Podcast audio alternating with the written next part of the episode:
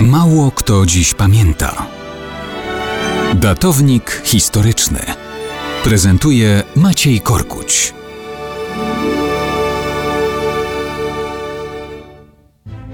Mało kto dziś pamięta, że 15 kwietnia 1736 roku, a więc równe 285 lat temu, Korsyka została królestwem. No, na chwilę została, bo i królem Korsyki został pewien Niemiec na chwilę.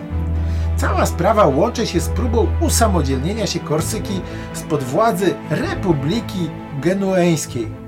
Tak, tak, mało kto pamięta, że to niewielkie państewko włoskie zawładnęło wyspą już w końcu XIII wieku. Utraciło ją na rzecz Aragonii, ale w wieku XV Genua się na Korsyce rozpanoszyła niemal na stałe. Kilka lat panowania francuskiego nie zmieniło tego, że przez kolejne wieki to Genua sprawowała nad wyspą pełną kontrolę. I mamy rok 1736. Na wyspie wybucha powstanie przeciw Genui. Buntownicy zostają oczarowani obietnicami Niemca z kolonii Teodora Neuhoffa. To awanturnik i kombinator.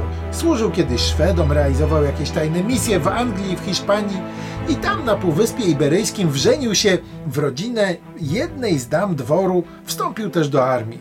Później włóczył się po różnych krajach, aż w końcu zawędrował na Korsykę. Tutaj powstańcom obiecuje złote góry w zamian za ogłoszenie monarchii i powierzenie mu tronu. Ściąga jakąś pomoc od podległego Turkom władcy Tunisu i ląduje na wyspie.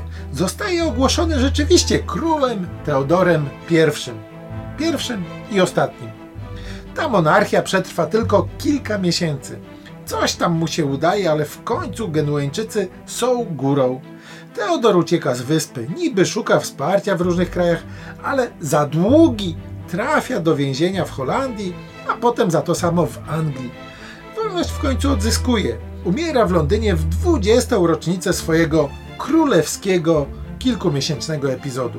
A Korsyka było kolejne powstanie, ogłoszono republikę. W 1768 roku Genua zrzeka się wyspy na rzecz Francji.